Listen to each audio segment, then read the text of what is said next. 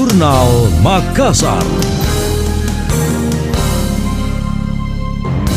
Saya Priscila Rini dalam Jurnal Makassar. Balai Riset Perikanan Budidaya Air Payau dan Penyuluhan Perikanan terus mengembangkan inovasi pakan simbiotik untuk meningkatkan produktivitas udang windu dan venam di Sulsel.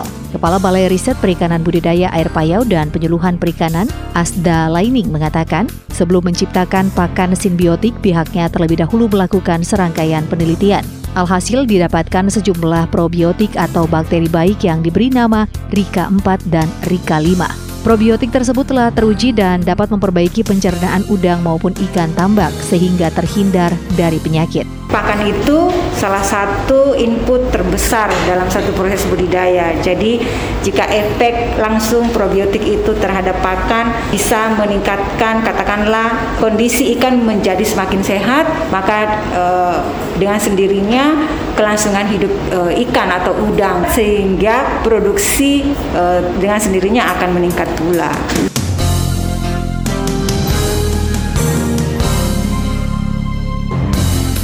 Melihat keberhasilan inovasi tersebut, beberapa orang mulai melirik untuk memproduksi pakan simbiotik secara mandiri, seperti yang dilakukan Muhammad Palifuri, warga Kabupaten Bone. Palifuri bahkan rutin mengikuti pelatihan pembuatan pakan simbiotik di Laboratorium Balai Riset Perikanan Budidaya Air Payau yang berlokasi di Kabupaten Maros jadi petambak awalnya merasa risau, hmm. tapi ketika namanya juga kan kalau belum dicoba belum tahu. Tapi ketika mereka sudah coba, mereka suka dan bahkan minta lagi. Cuman kami kami baru kasih trailer lah dulu. Hmm. Awal November kami rencana sudah mulai untuk komersilkan. Lokasinya sendiri ada di Kelurahan Laikang di daerah Biringkanaya, Makassar.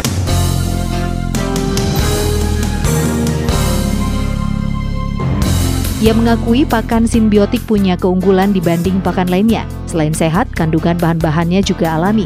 Terbukti, pakan simbiotik mendapat respon positif dari beberapa koleganya yang juga membudidayakan udang. Anda tengah mendengar Jurnal Makassar.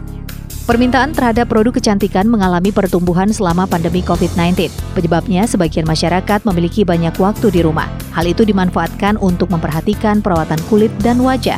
Co-founder dan CMO Sosial Bella, Krisanti mengungkapkan pandangan itu saat diskusi secara virtual bersama media. Dia kemudian memaparkan data penjualan khusus di Makassar. Disebut terjadi peningkatan pemesanan hingga 32 persen selama rentang kuartal 3 2021 jika dibanding periode yang sama di tahun lalu. Pihaknya berkomitmen untuk terus melahirkan inovasi baru untuk memberikan pengalaman berbelanja. Salah satunya dengan menghadirkan gerai kecantikan terintegrasi atau omnichannel pertama di Makassar. Walaupun pandemi ya, sebenarnya uh, industri itu sendiri tuh uh, kebutuhannya tuh terus-terus uh, terus-terusan meningkat gitu. Jadi nggak uh, cuma dari salah satu uh, apa namanya salah satu kategori aja ataupun dari salah satu produk aja, tapi emang uh, lebih merata lah gitu. Maka dari itu uh, dilihat lagi gitu bahwa keseluruhan daripada industrinya itu emang uh, trennya masih positif.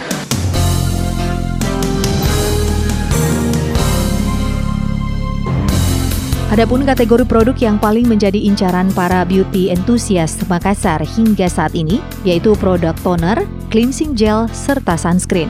Risanti memastikan seluruh produk sosial Bella yang dijualnya aman dengan sertifikasi resmi dari BPOM. Hal itu sebagai upaya untuk melindungi pelanggan di tengah banyaknya peredaran kosmetik dan produk kecantikan ilegal.